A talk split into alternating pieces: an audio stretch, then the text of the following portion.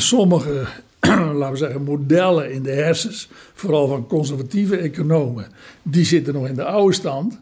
Maar volgens mij, in de orde van deze tijd, moet financieel kapitaal werken voor mens en aarde in de komende tijd. Welkom bij Beyond Us, de podcast van Fred Matser. Hij spreekt hierin met bijzondere mensen over liefde en bewustzijn, over hoe we met elkaar omgaan en hoe we de maatschappij bewuster en liefdevoller kunnen maken. Fred ontvangt zijn gasten thuis op zijn boerderij, omringd door huismussen en weilanden. Samen gaan ze in gesprek over een van de essays van zijn boek Beyond Us. In deze aflevering spreekt Fred met econoom Herman Wijfels. Wijfels is oud-bestuursvoorzitter van de Rabobank en emeritus hoogleraar duurzaamheid en maatschappelijke verandering aan de Universiteit van Utrecht.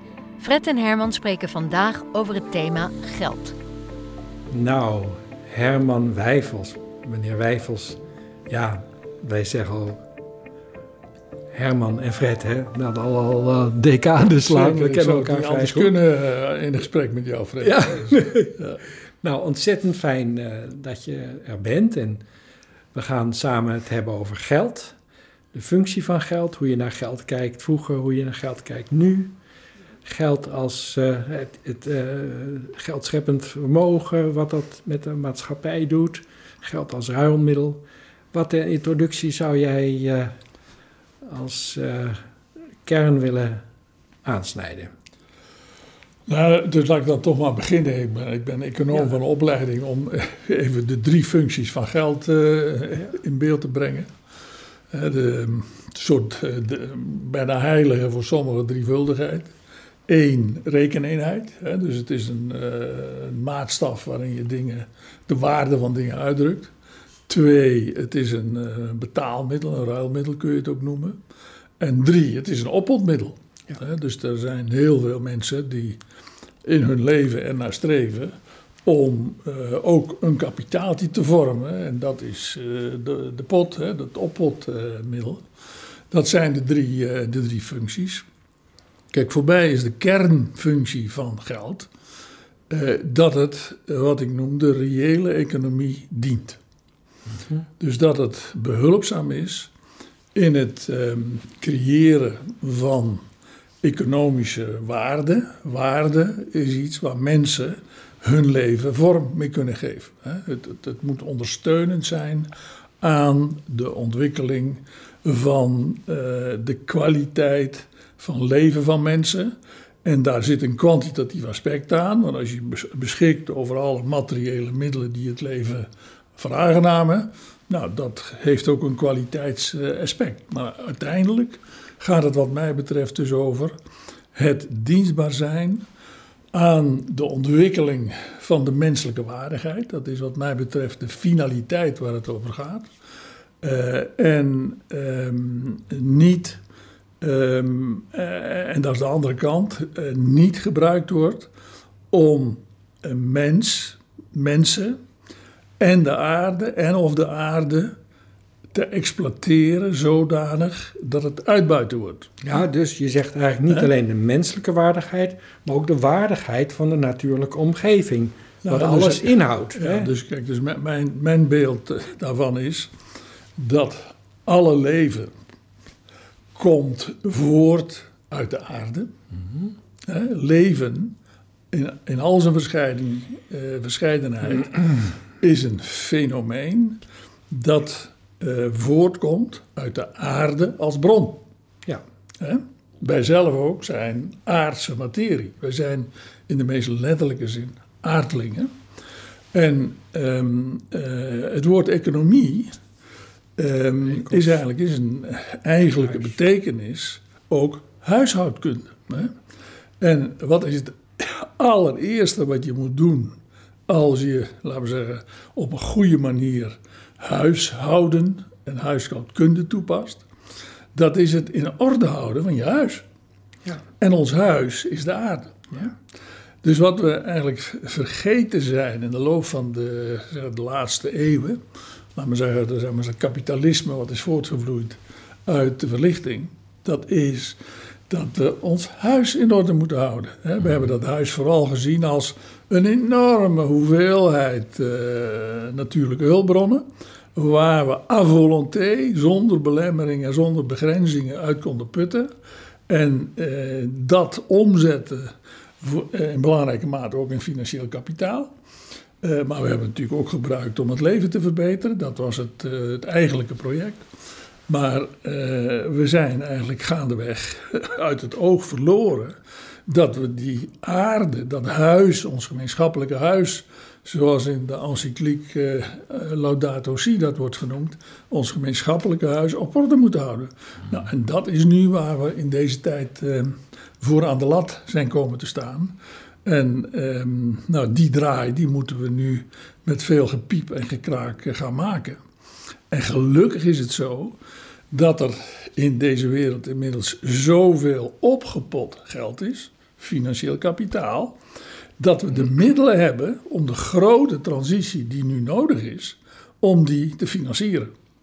En dat vind je ook terug in het uh, coalitieakkoord, zoals dat vorige week bekend is geworden. Daar staat een pot van 35 miljard om in de komende, wat is het, de resterende jaren 20 uh, te investeren in de transitie naar een meer duurzame energiehuishouding, bijvoorbeeld, hè, in het kader van klimaatbeleid. Maar dat moet ook nog verder gaan rondom biodiversiteit en nou, andere dingen die de aarde te veel belasten. Als, dat nou, als we dat nou eens even oppokken, oppikken, dat oppotten. Hè, dus dat zeggen we, dat is op grond van onze kennis. Maar hoe kunnen we ons bewuste zijn zo richten dat we collectief zoveel massa krijgen dat we dat ook doen? Hè? Dus, en dan zijn we de mate van, nou, bewustzijn, ik vrijwillig draag hieraan bij. En dan hebben we de politiekant. Hè? Hoe controleren we het en zorgen we met strafmaatregelen dat het ook bij een ander deel van de maatschappij meer uh, geldend, dat dat ook gebeurt. Hoe zou jij, als jij nu aan het stuur zou zitten in de Nederlandse samenleving, dat het beste kunnen inrichten? Om dat te laten werken. Nou, kijk, de, de sleutel daarvoor is bewustzijn. Ja, ik zei het. Ja, da, da, daar gaat het over. Dus wat wij nu in deze tijd meemaken, in ieder geval in mijn optiek, dat is dat we um, met z'n allen op weg zijn om te begrijpen dat als wij ons zodanig gedragen dat we de impliciete orde van het leven op deze planeet verstoren, mhm dat we dan zelf in de problemen komen. Ja. Het is niet de aarde die in de problemen komt. Nee, het, het, het, zijn we zelf, het leven zelf, dat in problemen komt, waaronder het menselijk leven. Dat is wat er gaande is. Dus um, uh, ik krijg, ik eh, kan al wat lezingen over dit soort zaken. En dan krijg ik uh, vaak de vraag: um, ja, hebben we eigenlijk wel als mensen überhaupt de kans om um, wat we nu uh, constateren nog recht te breien. Dus uh, gaat het ons lukken om die grote transitie te maken? En daar zeg ik van, kijk, uh, de mens is een bijzonder toegerust wezen, te midden van alle leven op deze planeet. Want wij kunnen waarnemen, hè, waarnemingen doen van wat er om ons heen gebeurt. Wij kunnen, tweede belangrijke faciliteit, op basis daarvan reflecteren. Dus we kunnen nadenken over, joh, wat zien we nou? En uh, op zoek gaan, uh, niet alleen naar de gevolgen van bepaalde handelingen en manieren van leven, maar ook naar de oorzaken daarvan. Dus de reflectie, waarnemen, reflectie. En vervolgens hebben we als mensen in het verleden overal in de wereld bewezen dat we op basis uh, daarvan ook kunnen veranderen. Handelen kunnen. Hè? Dat kunnen handelen. Hè? Ja, maar ook veranderen. Ja, en dat, en um, dat is dus eigenlijk wat ons nu te doen staat. Om uh, goed te kijken wat er gaande is. Om goed na te denken daarover, daarop te reflecteren. En wat is de oorzaak van dat we nu in de problemen raken? Uh, en vanuit die oorzaak ons leven opnieuw inrichten. En dan vervolgens op basis daarvan aan de slag gaan met de uitvoering daarvan.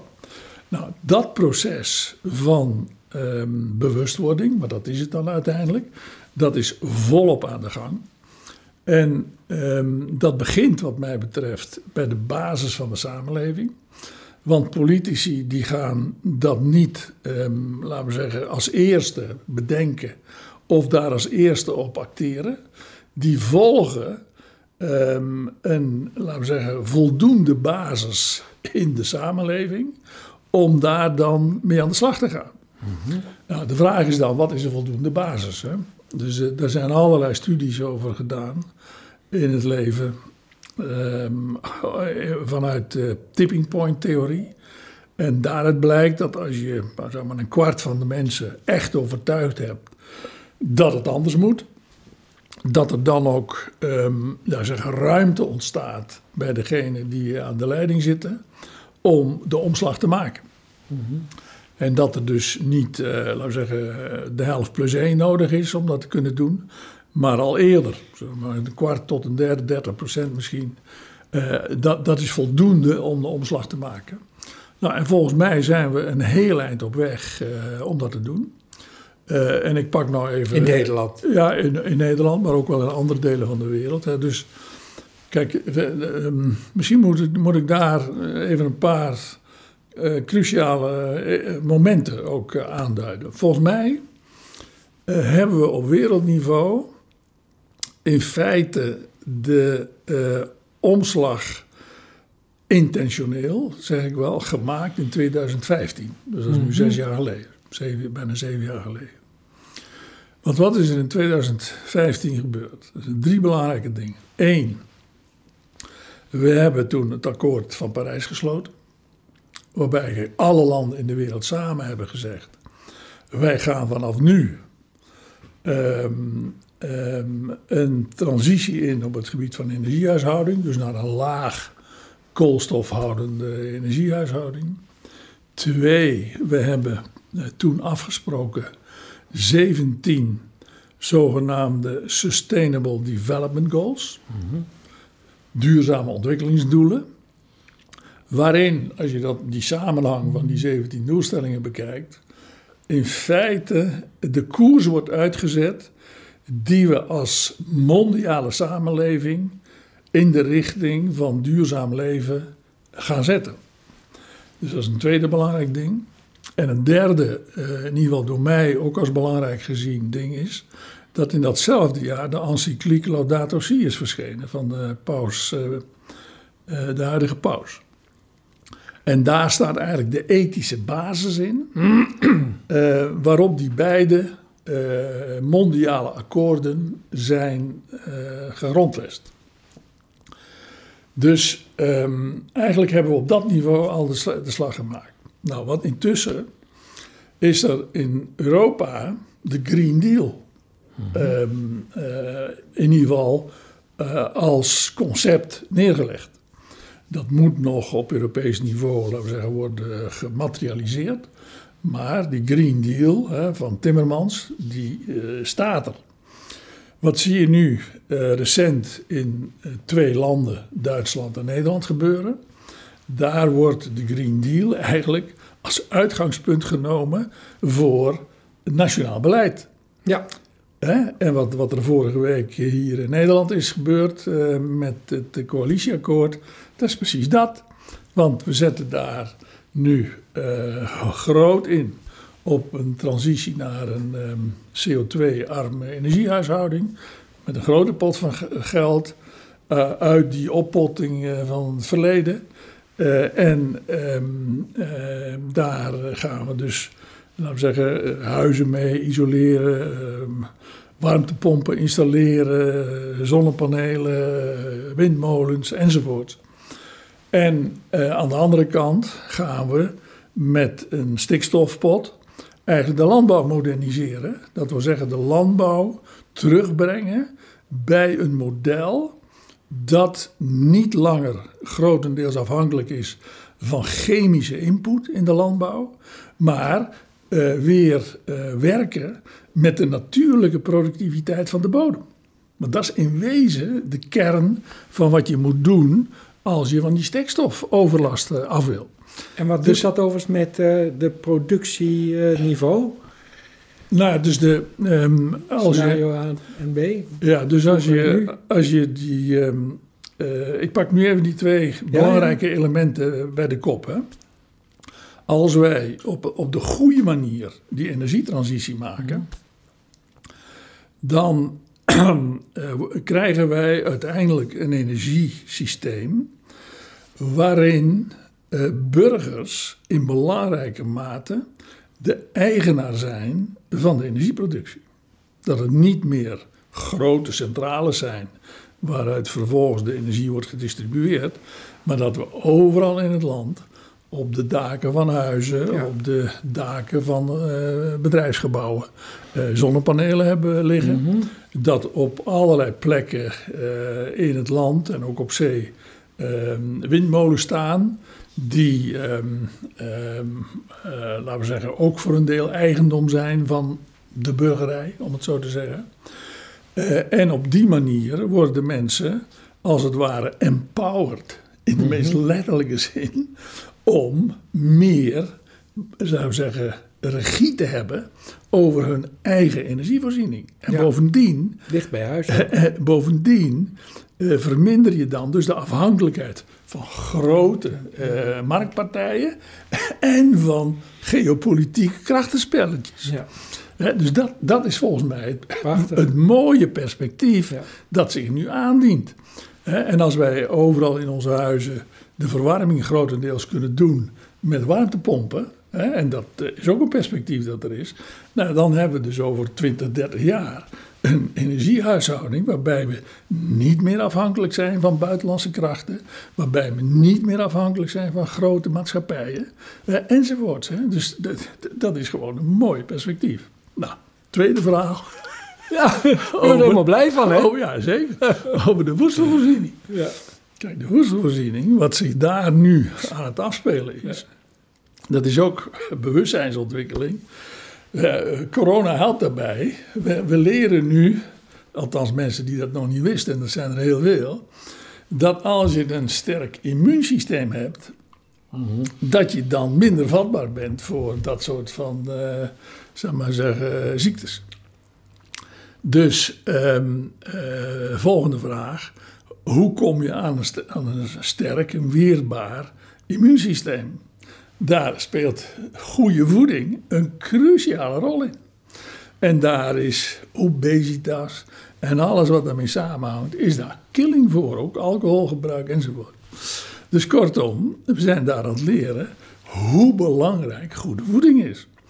Nou, als we dat eenmaal in de gaten hebben, voeding komt uit de aarde. Ja.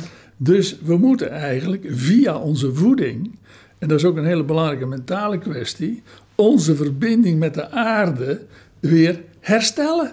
Die is in belangrijke mate uh, in, de, in de na-verlichtingstijd doorgesneden. ik denk dus ik ben, dit is de mens. En dit niet, dit niet zozeer. We komen er nu achter dat dit helemaal aards is. Dus we gaan via een hervorming van het hele voedingsstelsel gaan we de verbinding tussen onszelf en de aarde weer op een ander niveau van kwaliteit brengen. Een niveau van uh, zeg maar voedselkwaliteit die onze gezondheid niet bedreigt en ondergraaft, maar juist voedt. Hè? Nou, dat is wat daar gaat gebeuren. En dat betekent wel dat we die kunstmatige hoge productiviteit, hoge externe input, kunstmest, bestrijdingsmiddelen enzovoort, en hoge eh, productie, dat we dat systeem moeten brengen naar intelligent samenwerken met de natuurlijke vruchtbaarheid van de aarde, heel goed de bodem verzorgen en het leven in de bodem, het bodemleven, goed verzorgen, eh, op zo'n hoog mogelijk niveau brengen.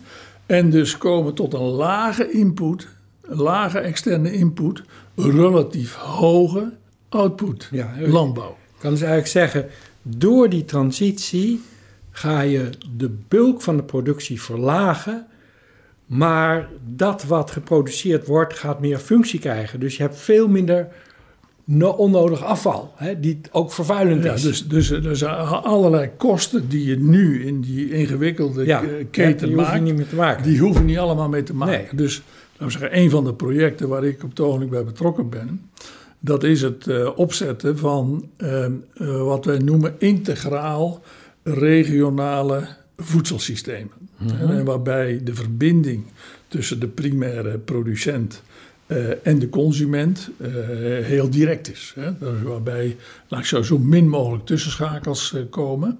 En waarbij, laten we zeggen, op regioniveau eh, mensen, belangen van allerlei soort, samen kijken hoe de verschillende functies in zo'n regio eh, zodanig kunnen worden vervuld dat ehm, die regio daarin kan floreren. En Ja. de mensen Ja. binnen die regio gezond kunnen zijn, goede voeding krijgen enzovoorts. hè. Dus dat dat eigenlijk het, het, het basisprincipe wordt van eh, wat er in de komende tijd moet gebeuren op dat gebied. Dus daar kun je ook weer, laten we zeggen, de afhankelijkheid van externe factoren in terugbrengen. Hè? Je, je wordt dan als het ware regisseur met elkaar over je eigen voedselproductie in zo'n regio.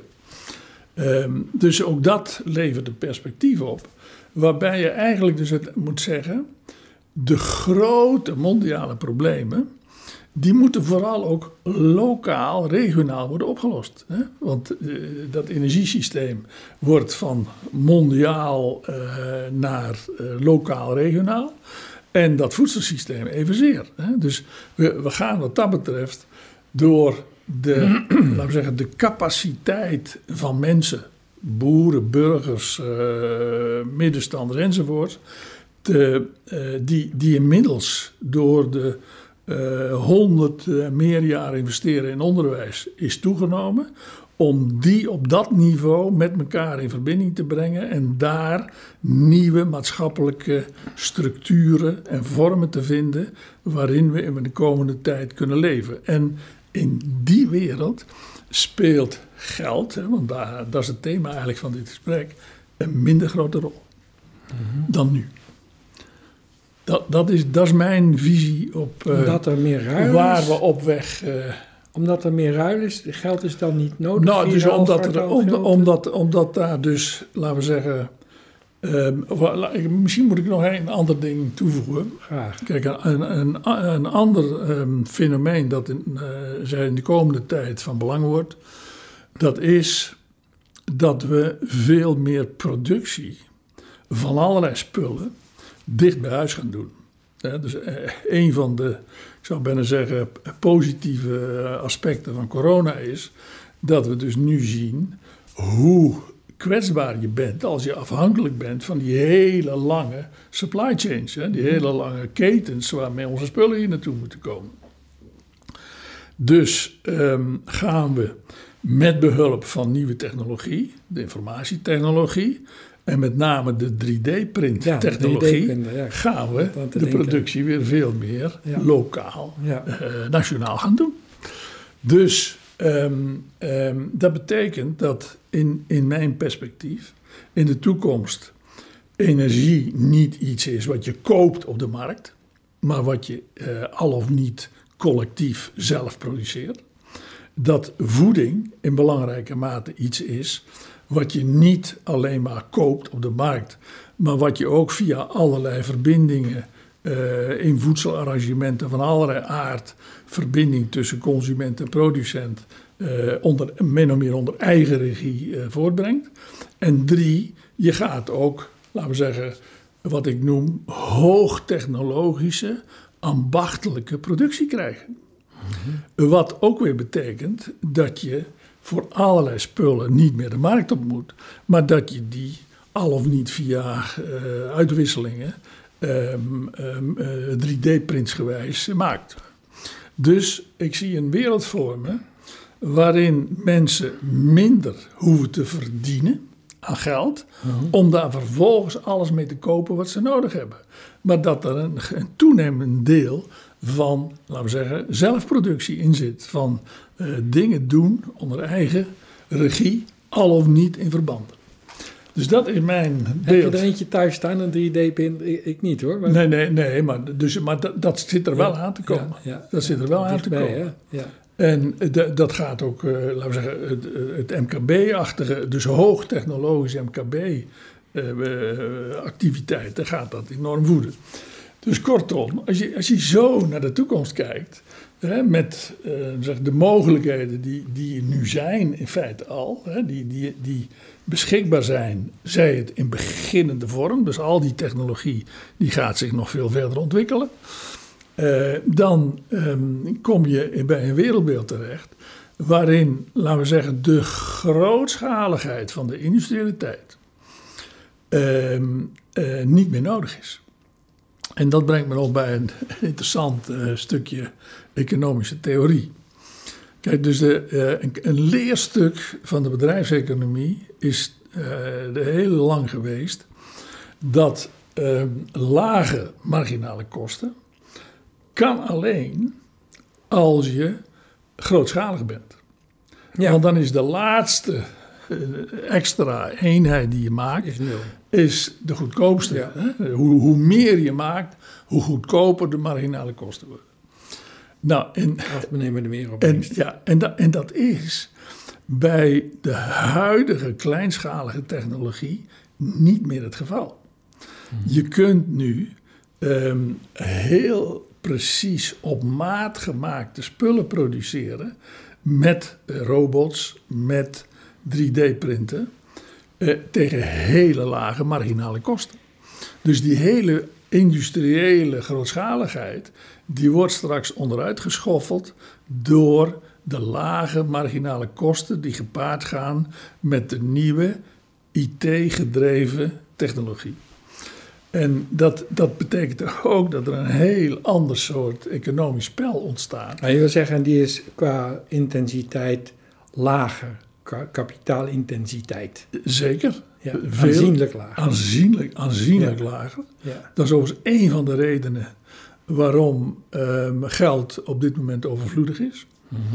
Ehm, omdat eh, dus die grote kapitaalinvesteringen, die zijn eigenlijk niet meer nodig. Ja. Om, om productie te maken, om, om, om wat, eh, zo, gewenste materiële vormen te produceren. Dus die hele wereld die is aan het kantelen tot en met. En eigenlijk het probleem eh, met veel beleidsdiscussies eh, van deze tijd is dat mensen nog steeds vanuit het oude kapitalistische perspectief naar kijken naar wat er nu gebeurt. Maar als je er naar kijkt vanuit, laten we zeggen, de tendensen die nu opkomend zijn, dan ziet het er heel anders uit. Herman, En dat bewustzijn, Ja, dat is aan het indalen. Dank je. Stel je nu voor hè, dat nou Chinezen en Indiërs, wat zijn ze, niet 40, 50 procent van de wereldbevolking maken ze zo langzaam Samen, hè, samen, ja. Ja, samen bedoel ik ook. Hè? Dus wat, eh, ze, ze zeggen wel eens, ja, gun ons ook jullie fouten nog even te maken. Hè? Dus wij, wij komen wel, maar hoe, hoe is jouw perspectief daarop? Eh, halen zijn jullie ons aan het inhalen en leren ze Ja. sneller en Ja, eh, ja, kunnen ze stukken dus die ik- ik zeg werken eruit heel interessant, heel interessant bericht eh, noemen, waar ik toevallig dit weekend eh, tegenkwam, Ja. eh, ergens in mijn tochten over het internet. Ehm, in China is er op het ogenblik een hele belangrijke tendens onder hoogopgeleide jongeren om de red race die ze ook in China hebben opgetuigd in de afgelopen paar decennia te verlaten. En die jongens en meisjes eh, die stappen daaruit eh, en gaan naar het platteland. Hmm, Eh, verwerven daar een stukje grond en gaan daar biologische voeding produceren. En natuurlijk grote aantallen ook daar. Inmiddels zijn dat er 10 miljoen in China. 10 miljoen van 10, die 10 mensen. miljoen van die jonge, goed Ja, opgeleide 1%. mensen. Die ne- nemen inmiddels eh, die kant. Ja, nou, Van dat is da- daar, daar kunnen we, ehm, laat maar zeggen, zin geven aan ons leven. Ja. Daar doen we iets wat echt maatschappelijk betekenis heeft. In plaats van eh, achter nou ja, wat dan ook aan zit. Het is wel mooi dat de overheid dat dus ook wel toestaat. En, en, en dus een van de vragen die daarbij bij gesteld werd, wat, vinden de, wat vindt de Chinese overheid Ja, daarvan? Ja, En die zijn ervoor. ja. Die zijn ervoor, want dat, is, eh, dat levert eh, echt maatschappelijke bijdrage. Ja. Mooi. Dus eh, laten we zeggen, de- de- het idee dat ze daar in China allemaal nog weer ver achteraan lopen, nee, dat is helemaal niet zo. Hè. Dus de- ook daar is de voorhoede is misschien wel verder dan de voorhoede in het Westen. Kijk, Ja. hier hebben we in Nederland ook in toenemende mate mensen van buiten de landbouw die zich met voedselproductie gaan eh, bezighouden. Ehm, eh, ik zit in allerlei eh, gezelschappen, netwerken waarin dat heel goed zichtbaar is. Ehm, eh, en dat wordt hier ook een, eh, een trend. Wordt hier ook een trend. En India? India eh, heb ik niets minder zicht op, moet ik Mhm. bekennen. Dus daar weet ik het niet zo precies.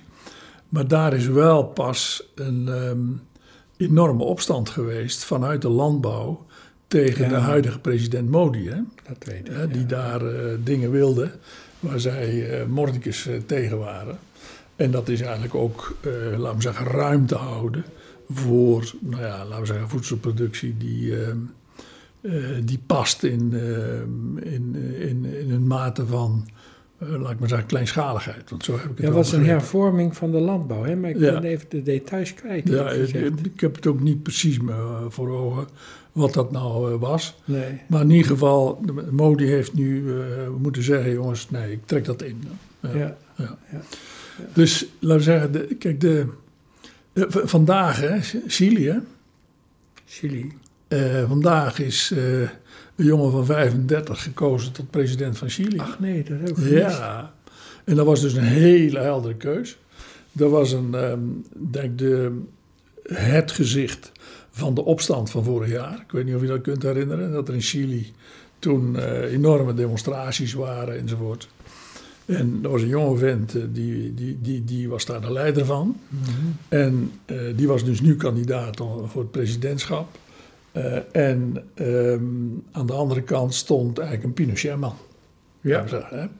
En ehm, eh, die eerste, die heeft vandaag, of gisteren, gewonnen. Op basis van welk programma? Nou, dus een, progra- een programma om, ehm, laat ik maar zeggen, te zorgen eh, voor een economie die werkt voor de mensen Ja. en niet voor het kapitaal. Ouderwets links. Ja? Het- ja, ja, ja, ja. klas- klassiek, eh, klassiek eh, links. Maar dat, dat zijn ook signalen. Ehm, dus eh, eh, kortom, ik kijk naar de huidige situatie zoals we die nu hebben. Als een wereld waarin geld, laat ik maar zeggen, eh, want dat is ons thema, hè, geld uiteindelijk nog. Zeker. Eh, waarin geld ehm, eigenlijk niet meer de klassieke bepalende, sturende rol heeft eh, die het in het- de kapitalistische tijd had. Misschien moet ik nog even uitleggen waarom ik dat overigens logisch en terecht vond dat die sturende en bepalende rol er was.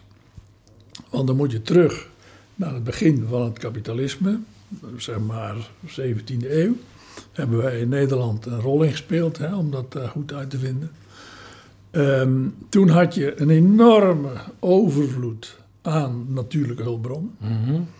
Toen waren er 1 miljard mensen op deze planeet en een eindeloze voorraad eh, eh, bossen en van alles. Eh, je had ook zat mensen om eh, daar iets mee te doen. En je had maar heel weinig financieel kapitaal.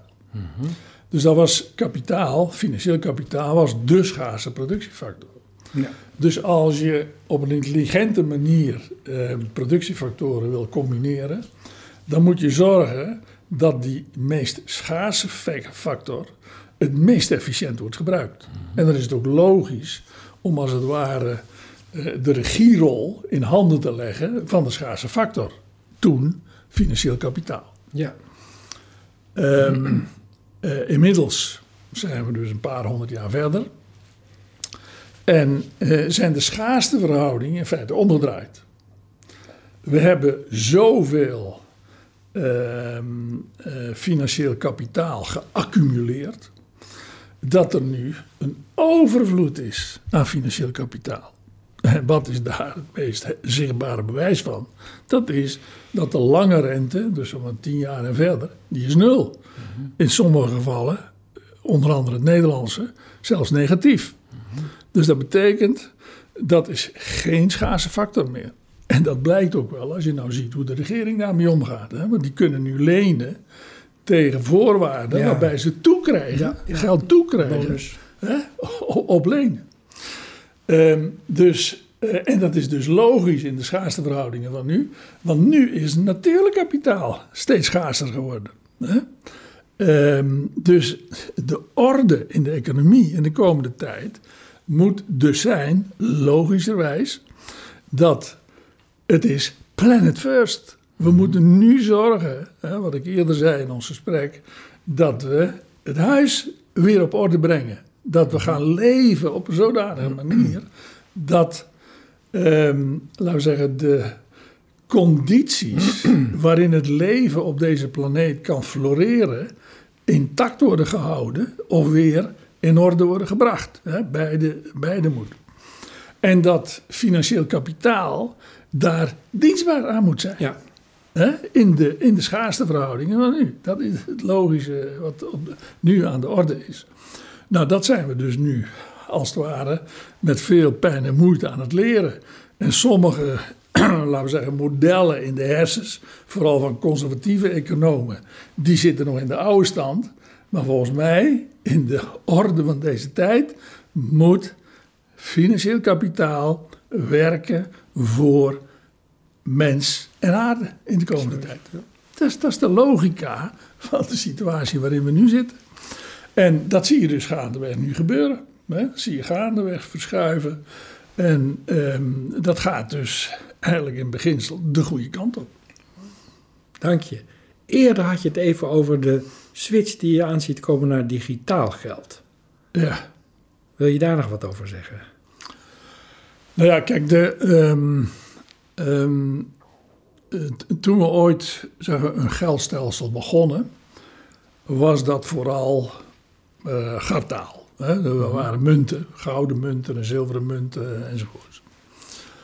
Ehm, en toen was er een laten we zeggen, directe relatie tussen eh, de hoeveelheid. Eh, en dat was dan inderdaad Zo, vooral een ruilmiddel. Hè? Er was, de, de, de- van oppotten was toen nog nauwelijks sprake. Bankeloze tijd. En bovendien, in de, in de oude, oudheid, bestond er ook nog zoiets als een ehm, jubileumjaar. Hè? Jubileum. Ja, dat is waar. Maar vertel. Dus dus to- toen, toen was er van opbouw van schulden eh, maar zeven jaar sprake. Want na, Ach, ja. na zeven jaar werden de schulden kwijtgescholden. Ja, ja, ja, ja. ja. Ehm, Mooie gedachte. Eh, nou, in, eh, in, in de, de, de ontwikkelingen in het monetaire bestel, ehm, parallel aan de industriële maatschappij en, de- en het kapitalisme, hebben we gaandeweg een stelsel ontwikkeld waarin eh, private instellingen geld konden creëren. Eh, dus in de, dat is nog in de huidige verhouding is dat het geval. Dat als je ergens een, lezing, een lening aangaat, dan ehm, eh, hoeft dat niet eerst geleend te worden door de bank of eh, een andere instelling. Maar dan kun je gewoon eh à la minuut uit het niets geld scheppen. Nou, dat stelsel is nu zo ver eh, doorontwikkeld dat op het ogenblik een heel groot deel van het geld in omloop is zogenaamd giraal geld. Dus dat Ja. is geld dat is geschapen door financiële instellingen. Nou, dat is het systeem waaronder we nu leven. Dat betekent dat de monetaire autoriteiten, dus de centrale banken, eigenlijk steeds minder grip hebben op dat hele geldstelsel. Ja, dat wel. Ze kunnen wel, laten we zeggen, via voorschriften aan de banken daar wat aan doen. eh, maar echt meester over eh, zeg maar, de, de, de macro-economische rol van geld hebben ze maar in beperkte mate. Ze kunnen ook een beetje rommelen aan de korte rente, eh, maar veel meer kunnen ze niet. Nou, nu is er vanuit ehm, eh, initiatieven buiten het reguliere geldstelsel om, eh, zijn er initiatieven op gang gekomen, zoals de cryptomunten. Ja. Hè? Eh, er zijn inmiddels, volgens de laatste telling die ik gezien heb, 11.200 cryptomunten in omloop. En er is op een bepaald moment een initiatief gekomen uit de hoek van de grote ehm, eh, IT-bedrijven om een eigen alternatieve munt eh, te maken. Eh, en dat zou dan weliswaar zijn op basis van een mandje van allerlei andere munten. Maar er komen dus van twee kanten bedreigingen op het bestaande geldstelsel af. Nou, de reactie die je daar nu op gang ziet komen vanuit de officiële eh, monetaire autoriteiten, dus de centrale banken, dat is, ja, ehm, wij kunnen zelf ook een digitale munt eh, in omloop brengen. Ja. En ehm, ehm, eh, daar zijn nu plannen, al proeven aan de gang. En China heeft zelfs al een digitale munt in omloop gebracht. En die digitale munt die wordt dan uitgegeven door de centrale bank. En als je dat op lange termijn doordenkt, dan is de logica van zo'n digitaal systeem dat niet langer private instellingen geld eh, creëren en in omloop brengen, maar dat eigenlijk op den duur alle geld in omloop afkomstig is van de centrale bank. Digitale munt uitgegeven door de centrale bank. En dan, dat kun je doen, dat geld in omloop brengen, die digitale munt, zonder schuld.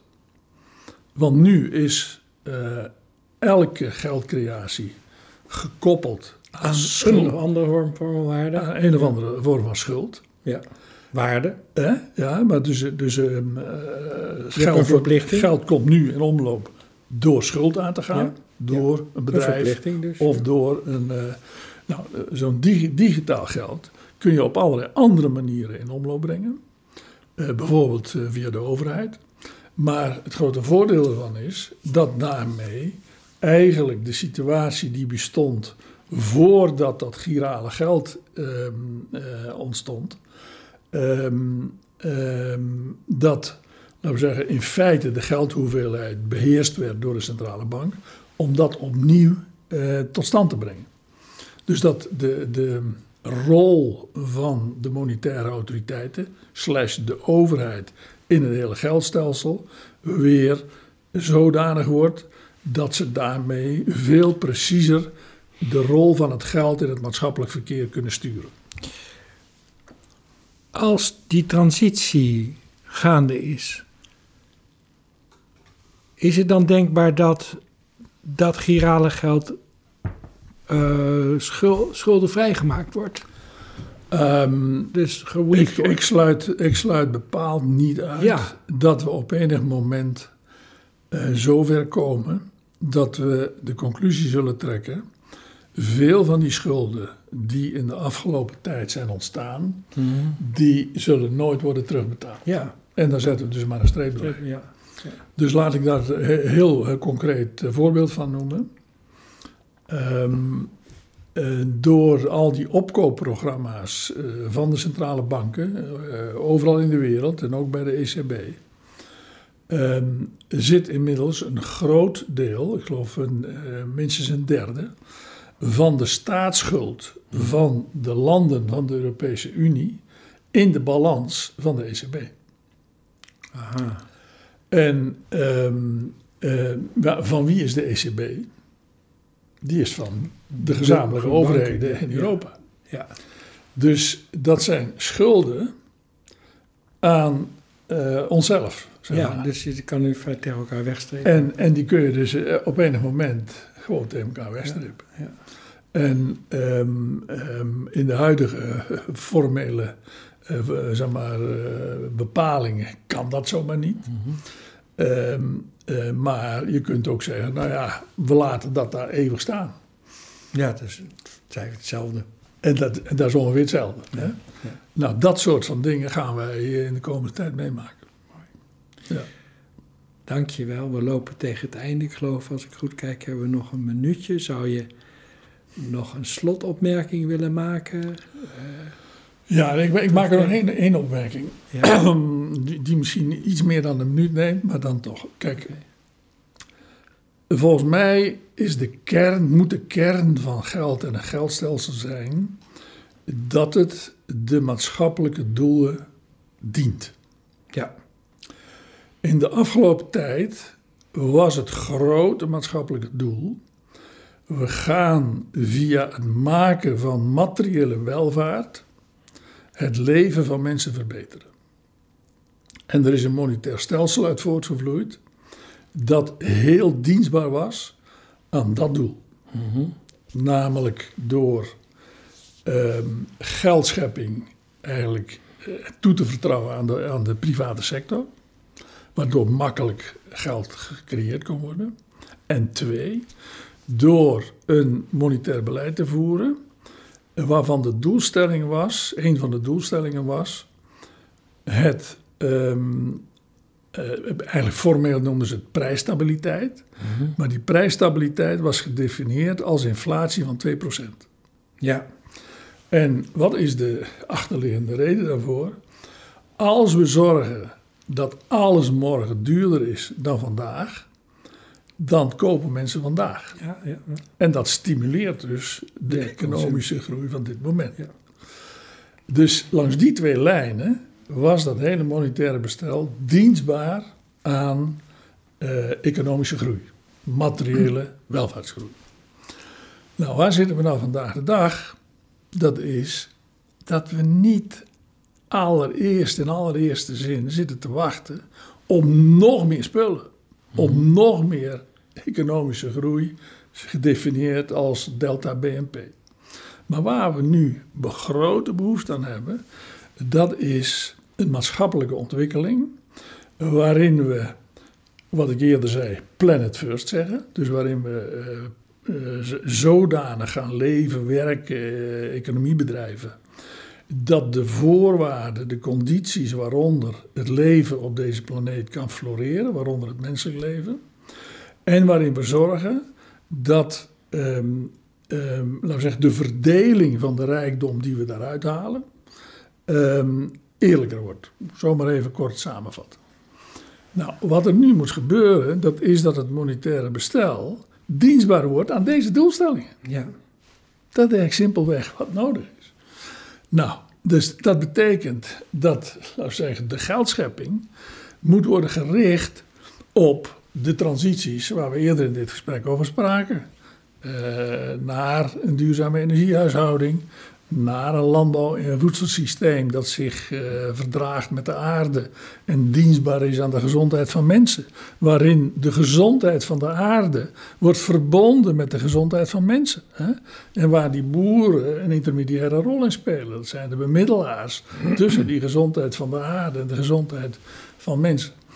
Eh, en waarin die nieuwe technologische mogelijkheden ook op het gebied, op het gebied van productie worden ondersteund. Hè? Eh, dus dat soort van eh, maatschappelijke doelstellingen. En waarin je, sorry, daar waar dat nodig is, ehm, ook zorgt dat mensen met de kleinste beurs toch behoorlijk kunnen leven.